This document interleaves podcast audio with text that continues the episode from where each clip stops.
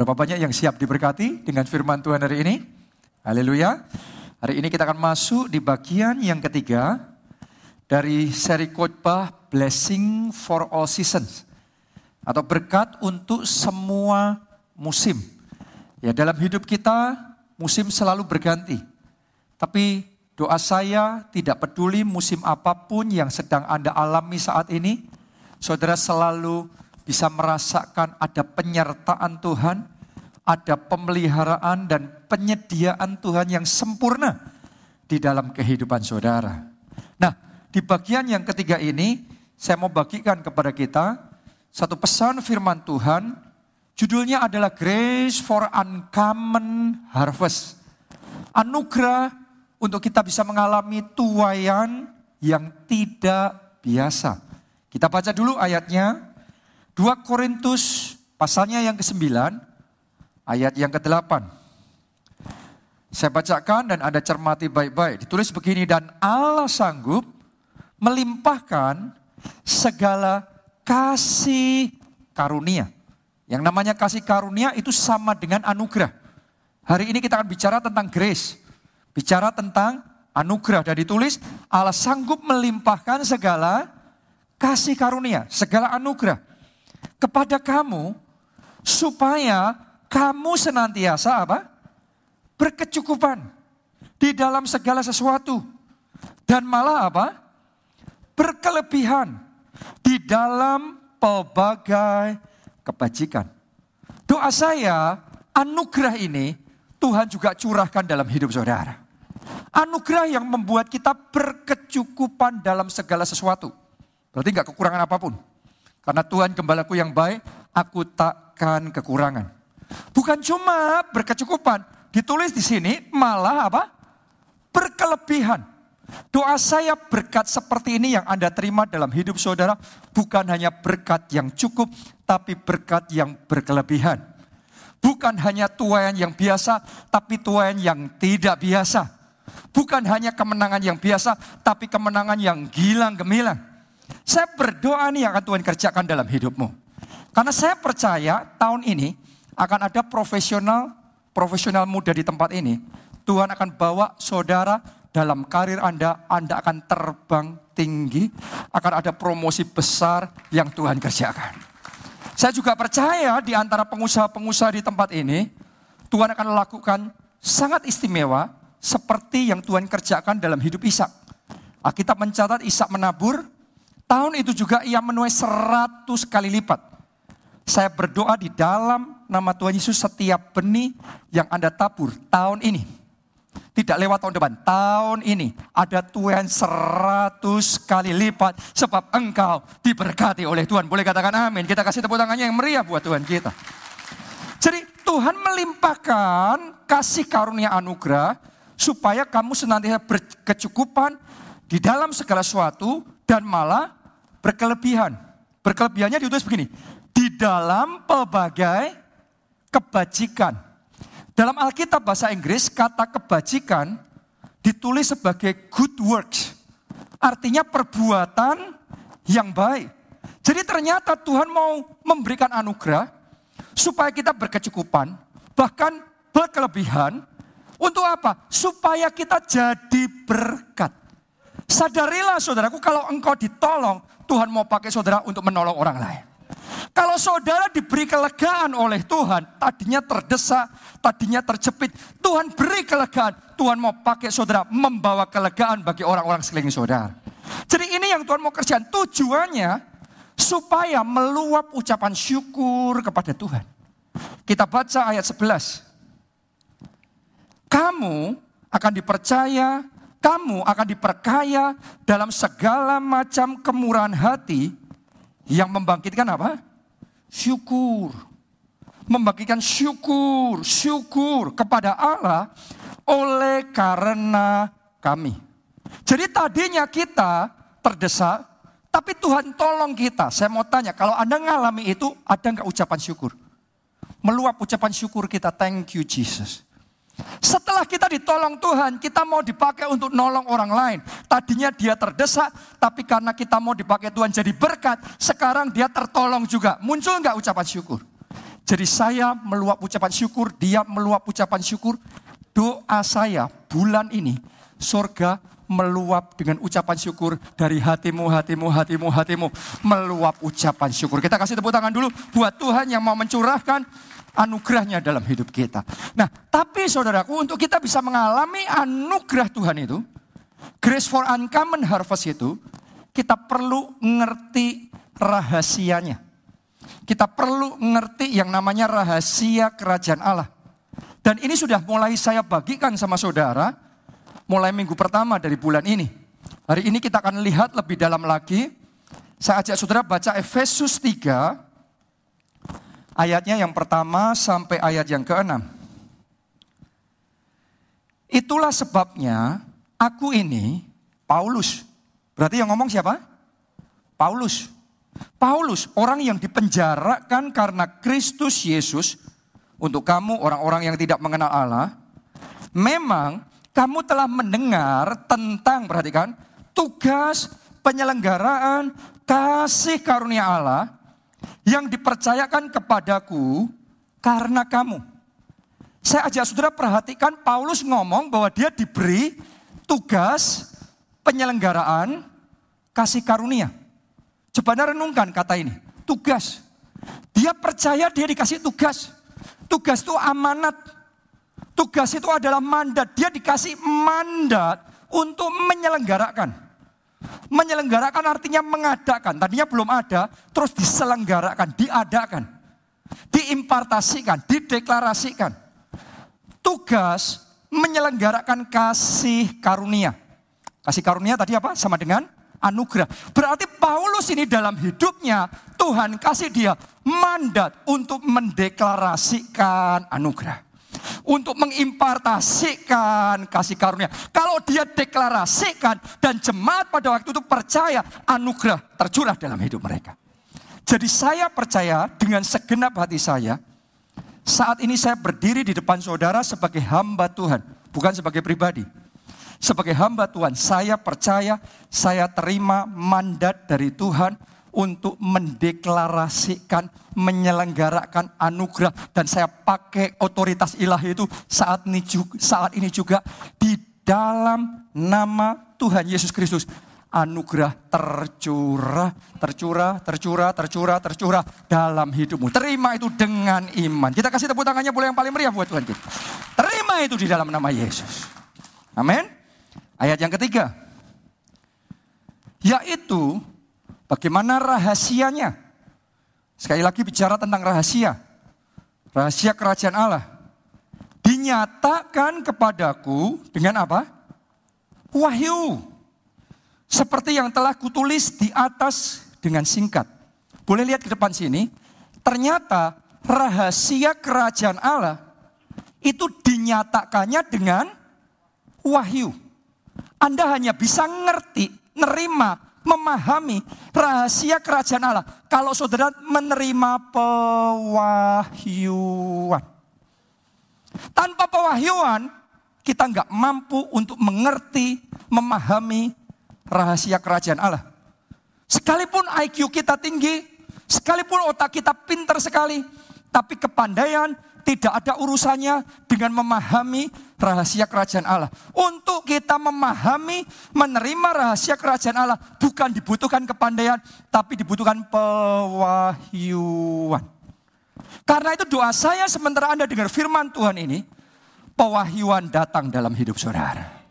Amin. Kita butuh diwahyukan kepada kita. Itu sebabnya untuk menerima pewahyuan, kita butuh pengurapan.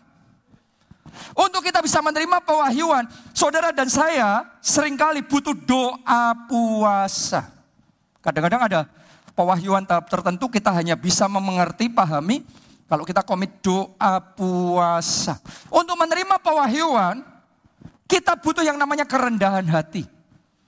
Tanpa kerendahan hati, Anda dengar khotbah hari ini, Anda nggak bisa ngerti rahasia kebenaran. Butuh kerendahan hati. Butuh kelaparan roh. Karena Yesus ngomong, berbahagialah yang lapar, dia yang dikenyangkan. Dikenyangkan dengan kebenaran, dikenyangkan dengan pewahyuan. Jadi kalau saudara terima firman Tuhan ini tanpa kelaparan roh, Anda tidak bisa mengerti rahasia kerajaan surga. Perkataan yang sama diucapkan tapi nerimanya beda. Yang satu menerima sebagai perkataan manusia, padahal perkataan yang sama, yang satunya terima sebagai pewahyuan. Jadi doa saya yang Anda terima bukan perkataan manusia, bukan khotbah biasa, yang Anda terima pewahyuan. Amin. Ayat yang keempat ditulis begini. Apabila kamu membacanya, kamu dapat mengetahui daripadanya pengertianku akan apa? Rahasia Kristus. Paulus ngomong tentang the secrets of Christ. Rahasia Kristus. Jadi ada hal-hal yang disebut dengan rahasia. Rahasia Kristus rahasia kerajaan Allah. Ini yang kita bahas terus hari-hari ini. Ya, ayat yang kelima. Yang pada zaman angkatan-angkatan dahulu tidak diberitakan kepada anak-anak manusia, tetapi yang sekarang dinyatakan di dalam apa?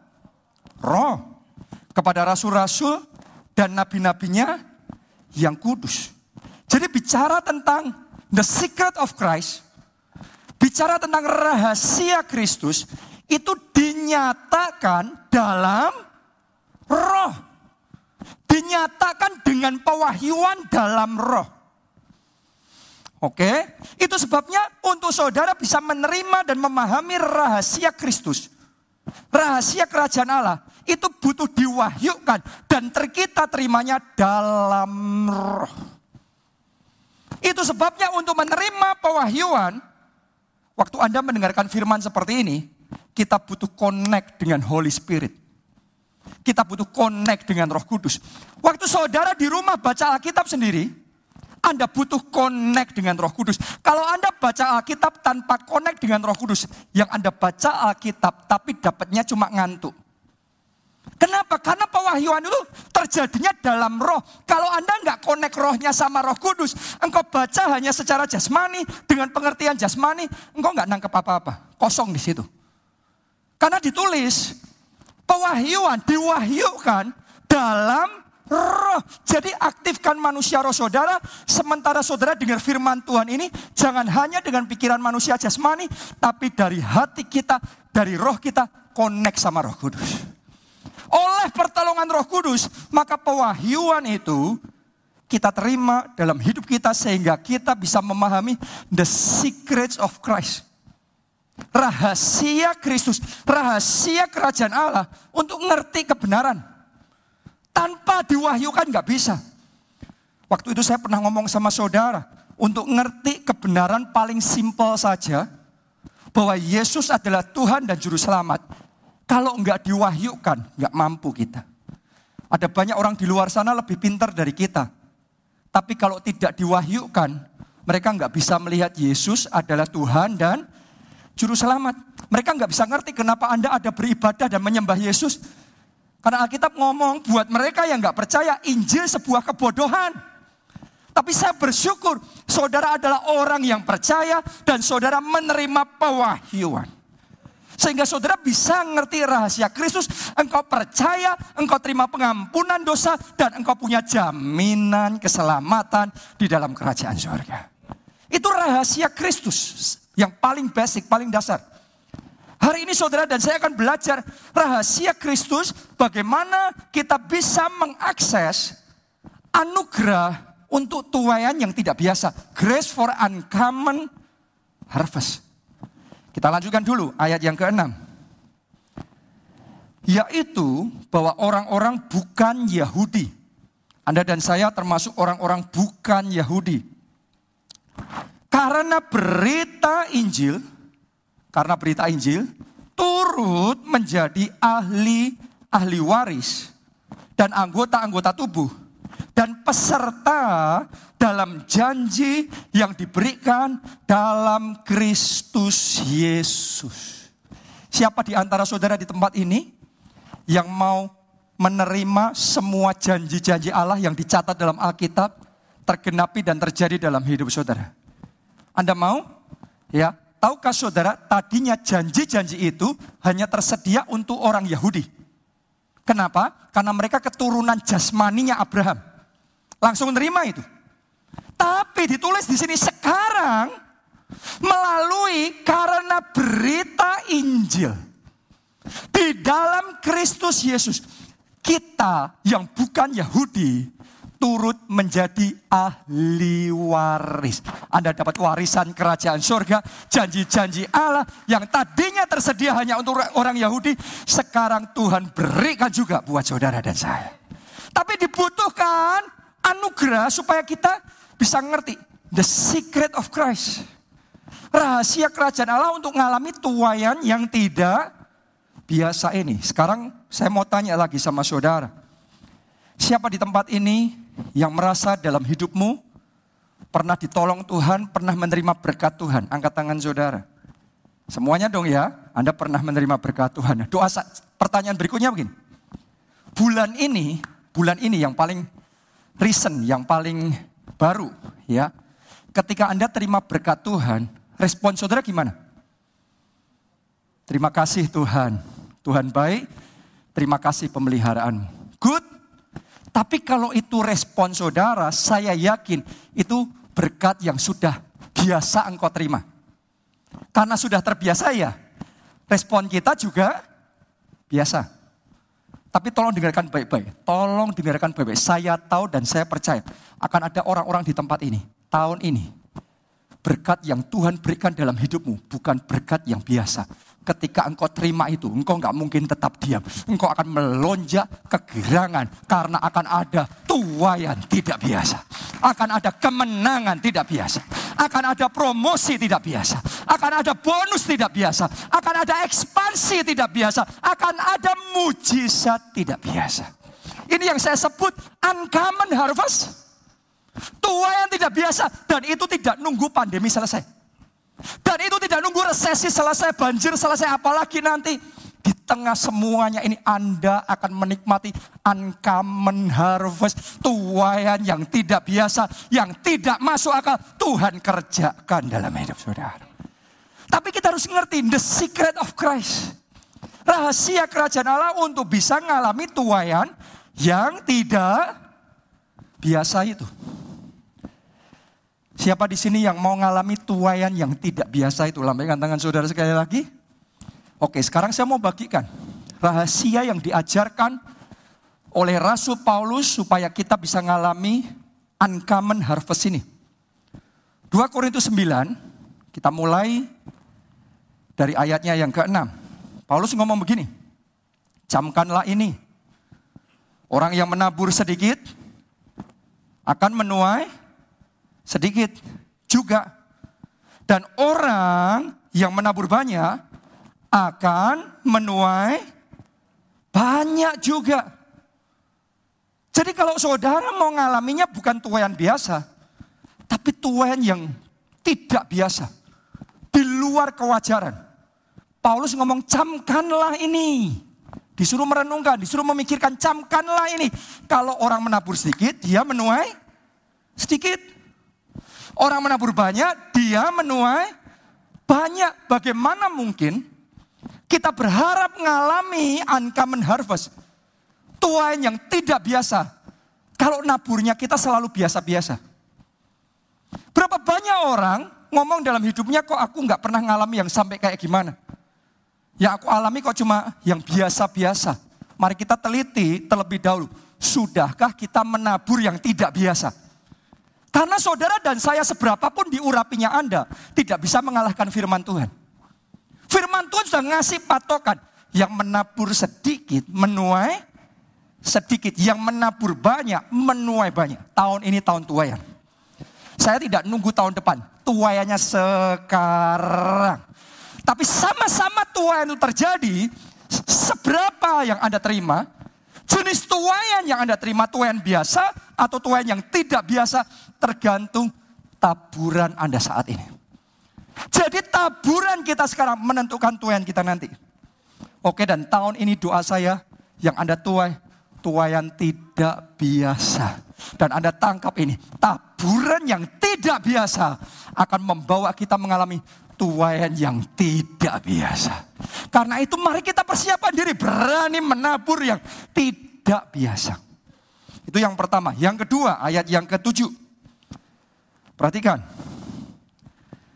Hendaklah masing-masing memberikan menurut apa?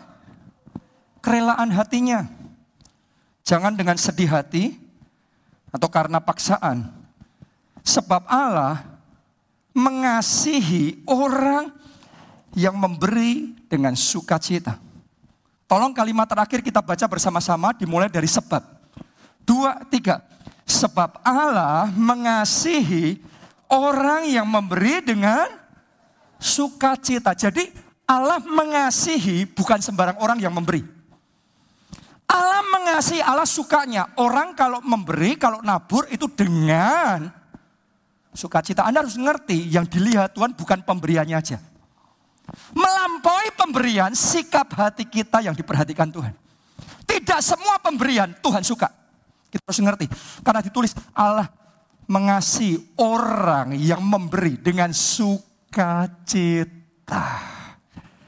Oke, jadi kalau saudara mengembalikan persepuluhan dengan berat hati, kalau saudara memberi menabur mempersembahkan persembahan saudara dengan berat hati, saya punya saran. Please keep your money. Simpan uang kita. Kenapa kok saya memberi saran seperti itu? Karena nanti saudara yang rugi. Sudah kita ngasih uang kita hilang, tapi persembahan saudara nggak akan sampai di sana. Karena jelas Tuhan tolak itu. Kalau pemberian dengan paksa, dengan berat hati nggak sampai di sana. Allah mengasihi orang yang memberi dengan sukacita kita. Doa saya setiap persembahan yang Anda berikan kepada Tuhan disertai sukacita, disertai kerelaan. Dan itu menyentuh hati Tuhan.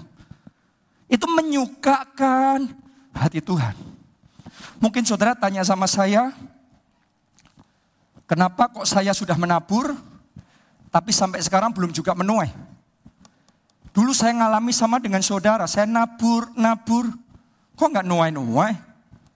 Sekarang saya paham alasan kenapa tahun-tahun itu saya menabur dan tidak menuai. Sebenarnya bukan nothing happen. Bukan karena nggak ada sesuatu yang terjadi. Tapi sebenarnya karena saya sedang memenuhi awan saya. Apa maksudnya? Kita baca pengkhotbah 11 ayat 3a. Pengkhotbah 11 ayat 3a. Bila awan-awan syarat mengandung hujan itu syarat harus terpenuhi dulu. Kalau kosong ceritanya lain. Harus syarat dulu, harus penuh dulu. Mengandung hujan, maka hujan itu dicurahkannya ke atas bumi. Jadi pada tahun-tahun itu ketika saya menabur, kayaknya nothing happen, kayaknya nggak ada yang terjadi. Sebenarnya dalam roh saya sedang memenuhi awan-awan saya. Begitu awan-awan itu syarat dengan hujan sampai di satu titik, Tuhan akan pastikan hujan turun dengan deras dan dari sejak saat itu sampai sekarang saya menikmati hujan berkat dari Tuhan yang tidak pernah berhenti. Doa saya terjadi dalam hidup saudara. Hujan berkat yang tidak pernah berhenti terjadi dalam hidup saudara. Amin. Itu yang kedua. Jadi yang pertama tadi orang menabur dia menuai. Oke, yang kedua menabur dengan Sukacita, Allah mengasihi orang yang memberi dengan sukacita. Yang ketiga, kalau saudara memberi untuk Tuhan, pastikan saudara memberi karena cinta Tuhan. Karena saudara mau membalas kebaikan Tuhan. Bukan sekedar kita memberi supaya kita dapat sesuatu. Ya kalau itu ya oke tapi kelasnya paling rendah. Ya kita ngelakuin sesuatu supaya dapat sesuatu. Jadi ini transaksional. No, no, no. Anda nggak mau masuk di sisi itu. Dimensi itu lain hukumnya. Ada hukumnya dimensi itu dan bisa terjadi juga. Tapi ada huk dimensi hubungan yang saya ingin bawa saudara masuk di sini. Yaitu dimensi kasih. Sama Tuhan bukan dimensi transaksi. Dimensi kasih. Lakukan itu karena engkau mengasihi Tuhan Allahmu dengan segenap hatimu, segenap jiwamu, segenap kekuatanmu. Engkau mau menyenangkan hati Tuhan. Karena itu kau persembahkan yang terbaik. Seperti itu seharusnya kita memberi. Dan memang Tuhan mengajarkan, love God, love people with passion. Hukum terutama yang pertama dan yang kedua. Jadi dalam memberi pun ada urutannya. Sama-sama hukum terutamanya, sama-sama mengasihinya, ada urutannya. Yang pertama buat Tuhan dulu, baru yang kedua untuk manusia. Jadi yang pertama apa yang harus kita lakukan? Kita kembalikan persepuluhan kita sama Tuhan. Ya, terus kemudian kita bisa menabur untuk penginjilan, untuk misi, untuk pembangunan gereja, untuk perluasan kerajaan Allah. Nabur untuk Tuhan dulu. Tapi saudara jangan lupa bukan cuma itu aja. Karena hukum terutama bukan cuma satu bagian, dua bagian. Yaitu love people with passion. Ada bagiannya mengasihi sesama. Apalagi di kondisi seperti saat ini banyak orang kehilangan pekerjaan. Banyak orang sedang struggle dalam hidupnya. Saya ajak saudara kalau Anda bisa, mari kita jadi berkat. Buat mereka yang membutuhkan jadi berkat. Mari kita beli ke, berikan kelegaan, berikan kenyamanan kepada mereka. Karena itu perintah Tuhan. Oke, jadi berkat buat orang-orang di sekeliling saudara. Jadi berkat juga buat keluarga saudara. Dan saya secara khusus hari ini mau ngomong sama Anda yang masih punya orang tua yang masih hidup. Satu pesan yang saya ingin bagikan sama saudara. Pakai keuanganmu untuk menyegarkan orang tuamu. Melalui pemberian saudara. Karena itu adalah perintah Tuhan anak-anak. Apa perintahnya? Hormatilah orang tuamu. Itu sebuah perintah. Jadi pakai harta saudara untuk menghormati orang tua saudara. Dan lakukan itu sebagai sebuah penghormatan. Oke. Tadi saya ngomong sama saudara, sama-sama memberi. Yang dilihat Tuhan bukan pemberiannya, melampaui pemberian itu. Yang dilihat Tuhan apa? Sikap hati. Makanya kita harus sadar, ketika kita memberikan untuk Tuhan, memberi untuk Tuhan, itu namanya persembahan. Ketika kita memberi untuk orang tua, itu namanya penghormatan ketika kita memberi untuk orang miskin yang membutuhkan, itu sumbangan. Tiga-tiganya sama-sama memberi, sama-sama kita berkorban, tapi ada yang berbeda dimensi memberi untuk Tuhan, untuk orang tua, dan untuk orang miskin yang membutuhkan. Jangan dibalik-balik. Kalau saudara mau ngasih sama orang tua saudara, Jangan merasa di hatimu kamu nyumbang sama orang tua. No, siapa kita nyumbang orang tua? Orang tua sudah melahirkan kita. Orang tua sudah mendidik, sudah memperjuangkan kita. Sekarang giliran kita menghormati orang tua kita. Jadi ketika engkau ngasih orang tua jangan nganggep aku sudah nyumbang orang tua. No, kita menghormati orang tua kita. Taruh orang tua saudara di posisi yang benar. Kenapa? Karena firman Tuhan anak-anak hormati orang tuamu panjang umurmu, bahagia hidupmu. Oke, lakukan perintah Tuhan itu. Demikian juga sama Tuhan. Sama Tuhan, pemberian saudara pastikan sebagai persembahan. Bukan sumbangan loh. Gak ada donaturnya Tuhan. Makanya di gereja kita nggak ada donatur di sini, nggak ada donatur. Siapa kita nyumbang Tuhan? Gak ada dari kita satupun manusia yang cukup hebat, cukup besar untuk nyumbang Tuhan. Nyumbang Tuhan itu gini, nyumbang itu begini, persembahan itu begini. Doa saya ketika engkau memberikan persembahan untuk Tuhan, sikapmu bukan kayak orang nyumbang. Sikap saudara datang kepada Tuhan, di atas segala Tuhan, Raja di atas segala Raja, Allah di atas segala Allah. Kita bawa yang terbaik. Kita mau balas kebaikannya dalam hidup kita. Kita mau sukakan hati Tuhan. Kita kasih tepuk tangannya pula yang paling meriah buat Tuhan kita. Amin. Haleluya. Nah, sekarang saya ingin bagikan kepada saudara satu kisah tentang sebuah jemaat di gereja mula-mula yang luar biasa sekali bisa jadi teladan buat kita yaitu kisah jemaat di Filipi. Kita baca ya, kisah 4 ayat 14 sampai ayat 19. Ini adalah perkataan Rasul Paulus kepada jemaat di Filipi. Dia ngomong begini, namun baik juga perbuatanmu bahwa kamu telah mengambil bagian dalam kesusahanku. Apa artinya? Saudara harus ngerti Rasul Paulus itu sedang melakukan misi. Dia mengabarkan Injil, dia memberitakan kabar baik, dia berjuang menyelamatkan jiwa-jiwa, dan merintis berbagai gereja. Benar apa tidak? Dan di dalam melakukan semuanya itu ada banyak tantangan. Dia mengalami aniaya. Ada kesulitan-kesulitan yang dihadapi. Dan kebutuhannya besar untuk mendanai semua pekerjaan pemberitaan Injil, perintisan gereja. Itu ada kebutuhan yang besar. Hebatnya Paulus ngomong sama jemaat di Filipi, kamu telah ambil bagian. Jadi jemaat di Filipi ini ngelihat semuanya itu, ngelihat pelayanan Rasul Paulus bukan cuma diam.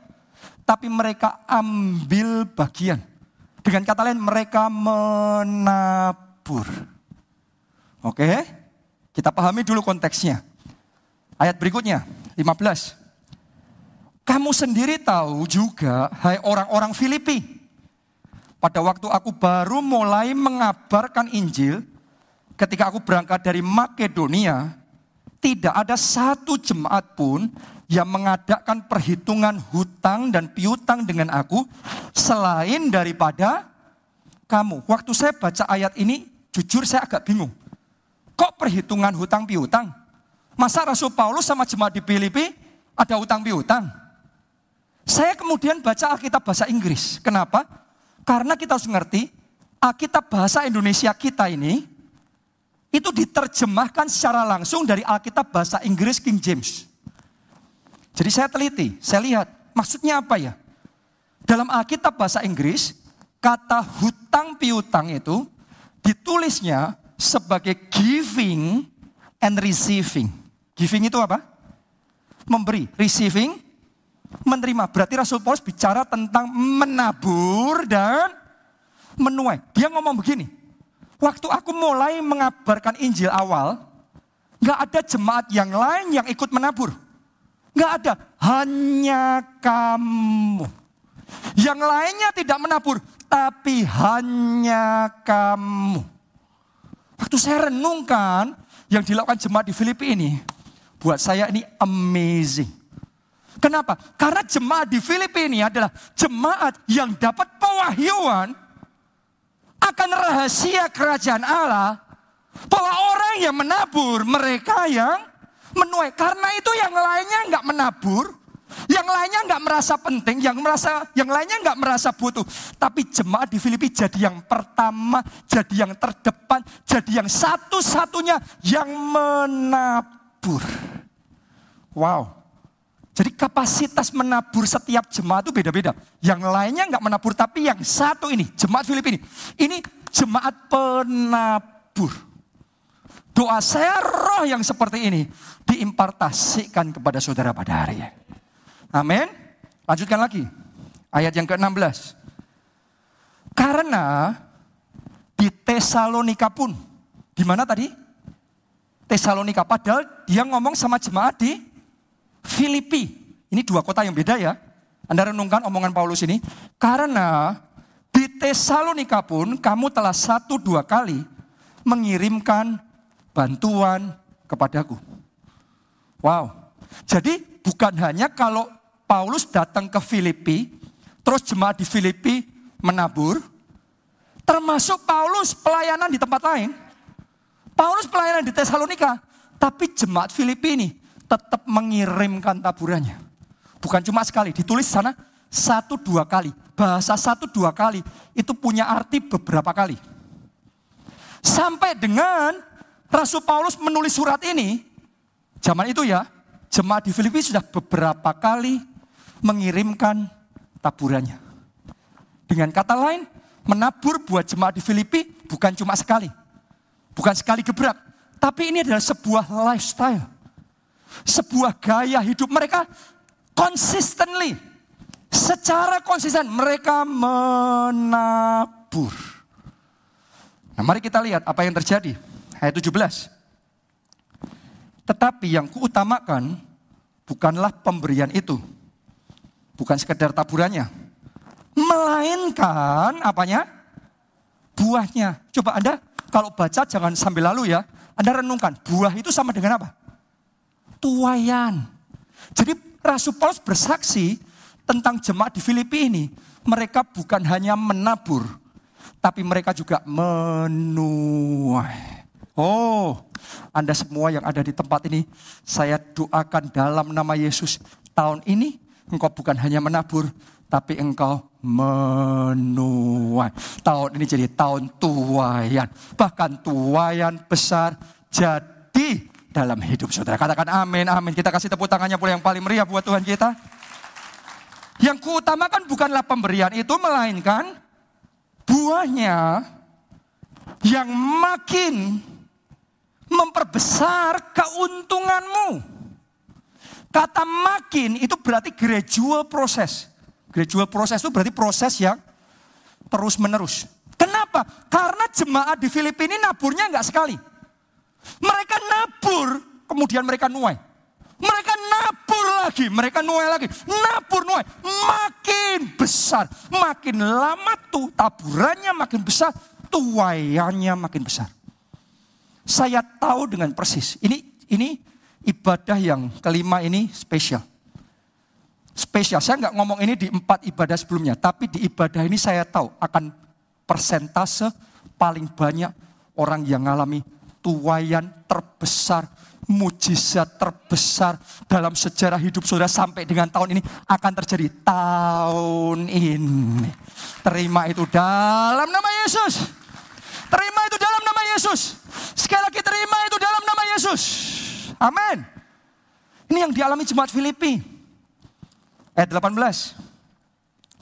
Kini aku telah menerima semua yang perlu daripadamu. Oke, berarti semua kebutuhannya sudah diterima.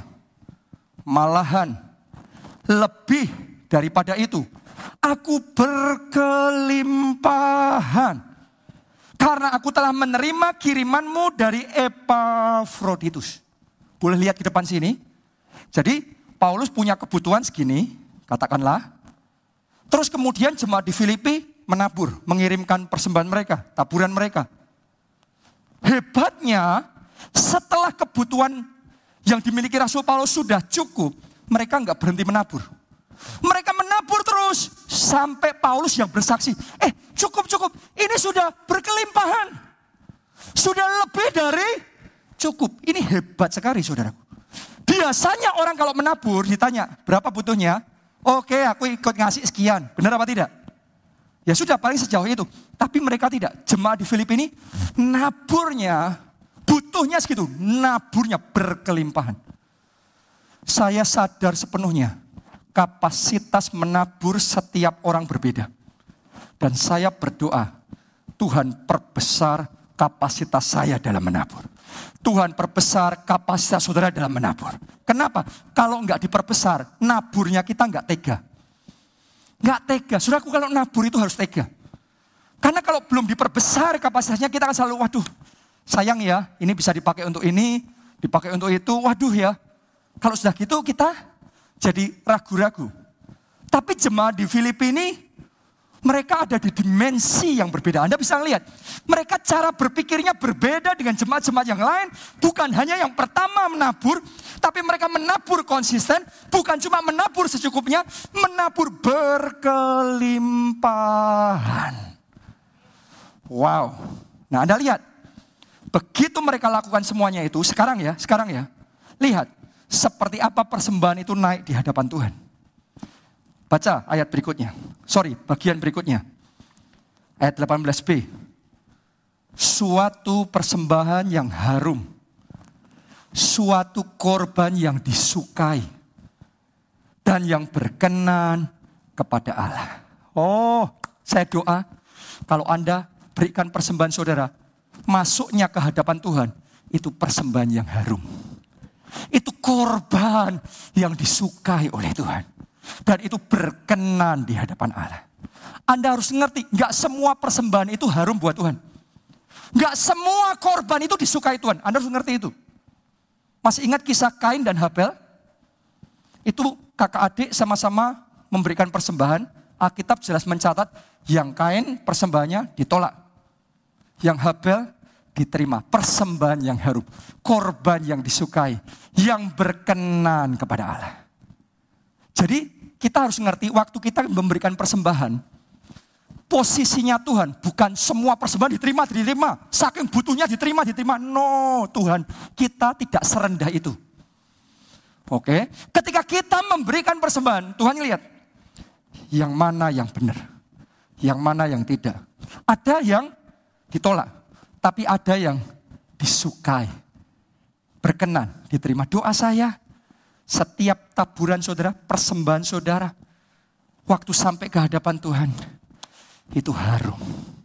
Itu disukai oleh Tuhan. Dan itu berkenan. Kenapa itu penting?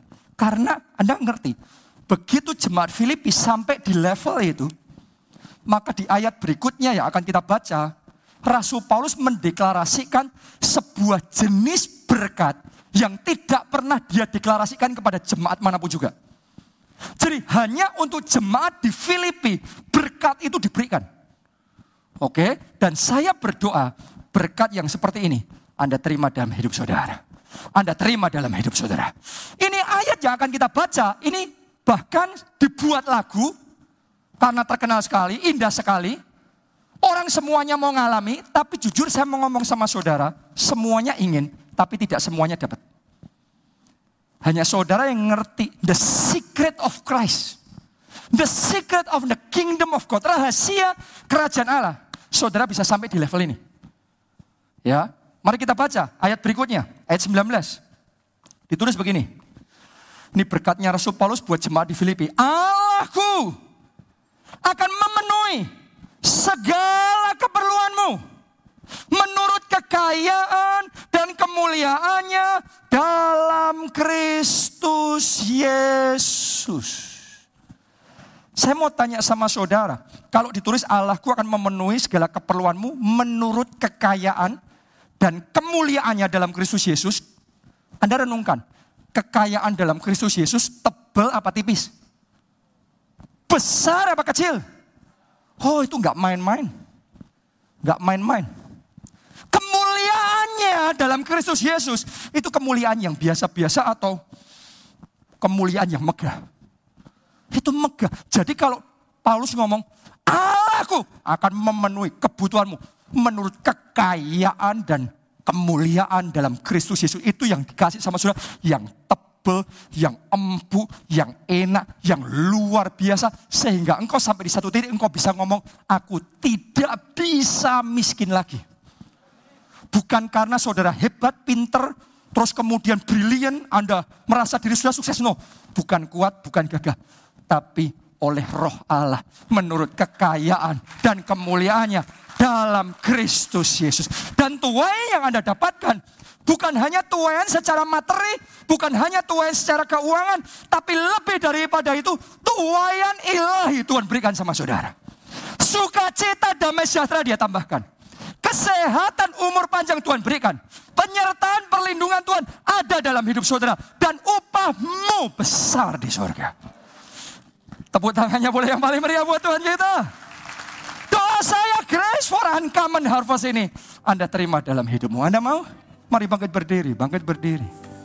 Ku nyanyi haleluya. Ku sorak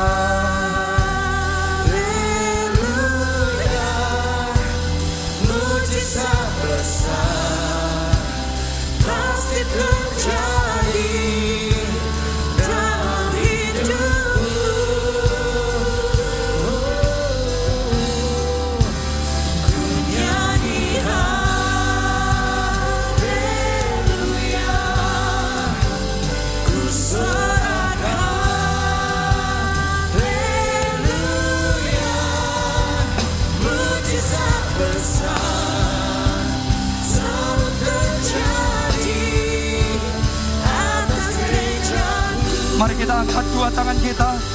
Bersama-sama kita katakan ku nyanyi. Ku haleluya.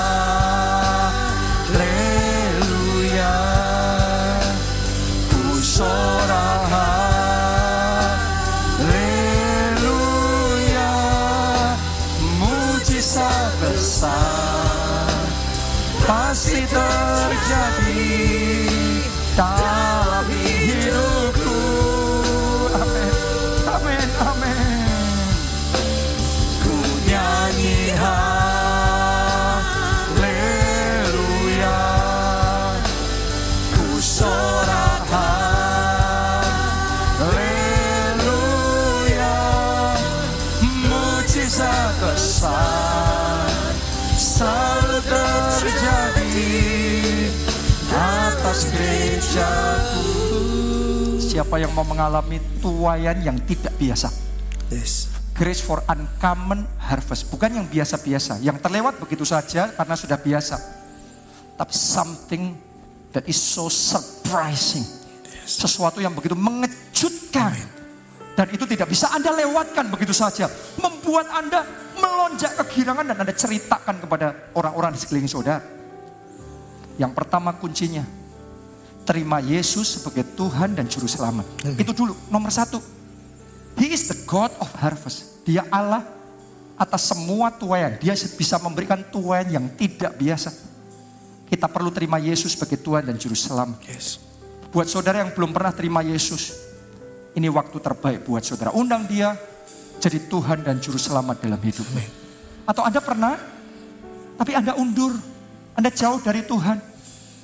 Sekarang saudara mau mendedikasikan ulang hidupmu sama Tuhan. Ayo datang sama Tuhan, sama-sama angkat dua tangan saudara. Ikuti doa saya.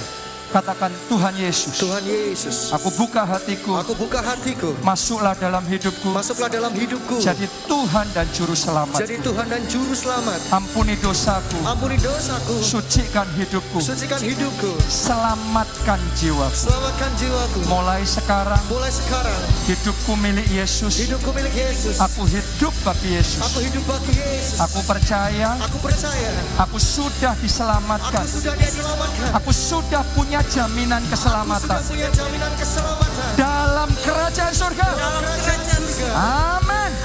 Mari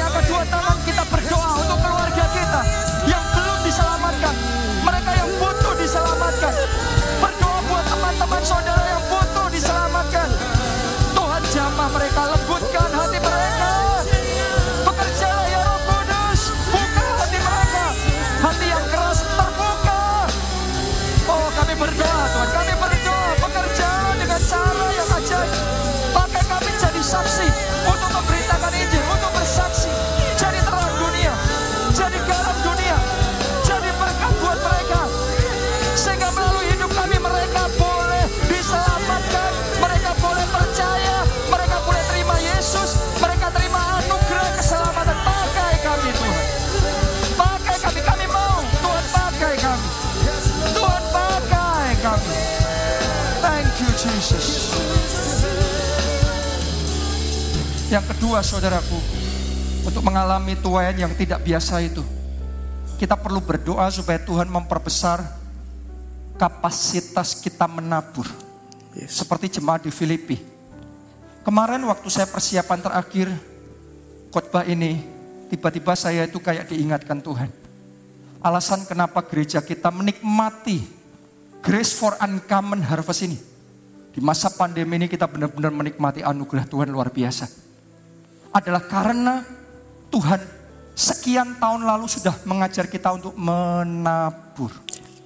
Saya, Pastor Nita, Pak Obaja, setiap tahun kita berangkat ke Afrika, kita bertemu sama Pastor Ea Dibuye dan di situ Tuhan suruh kita menabur.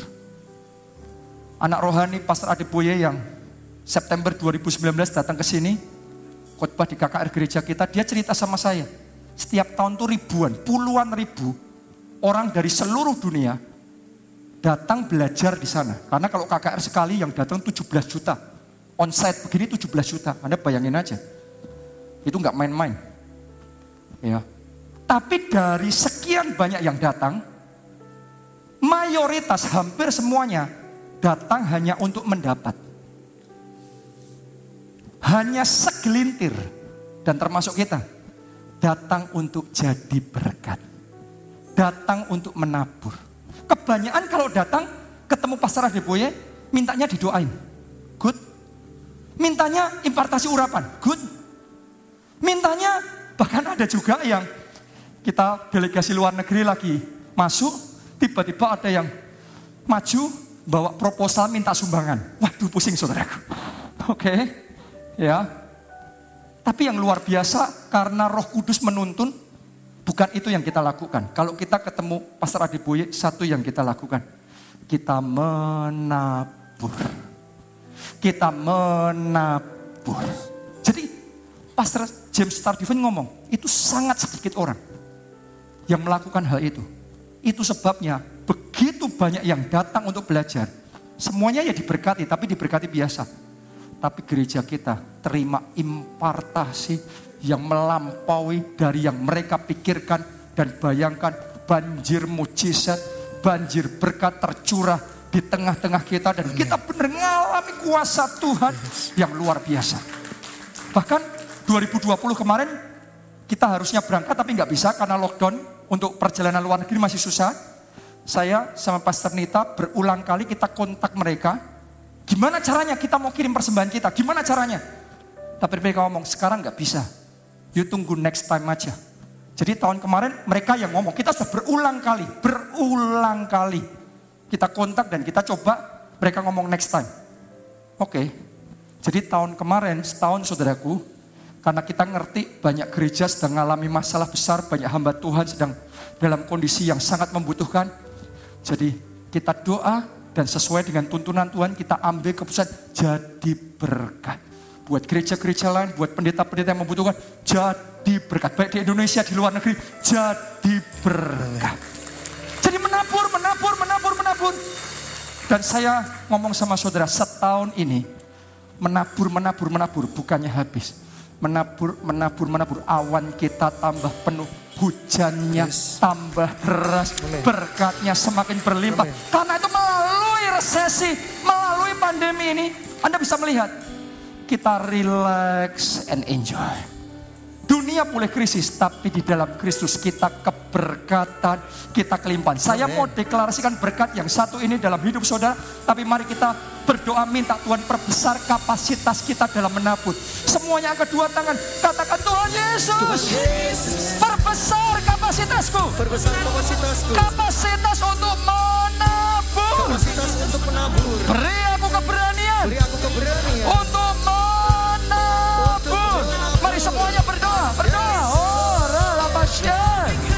Xerarabaxia. Xerarabaxia.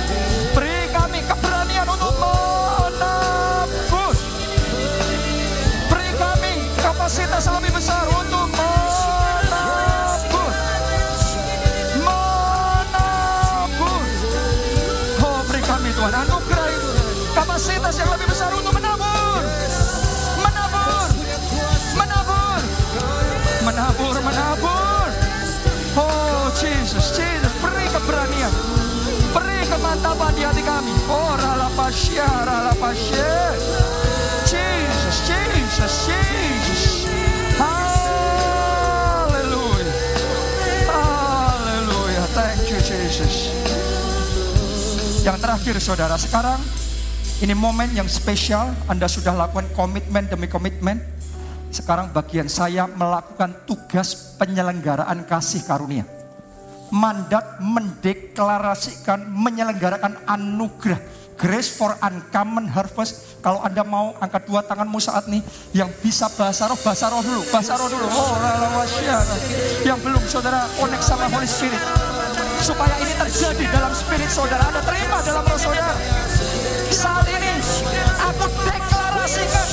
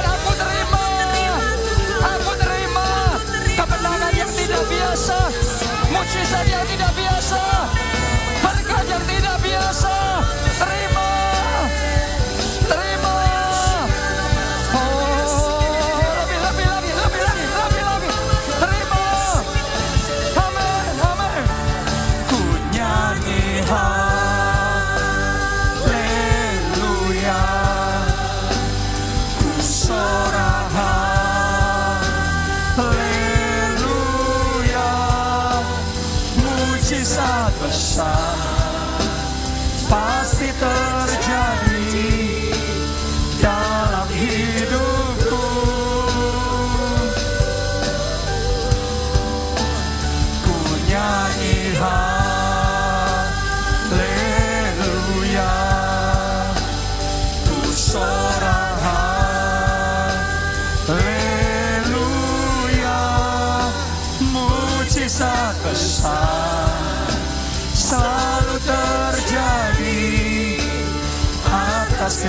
gerejaku. Semuanya katakan mujizat besar.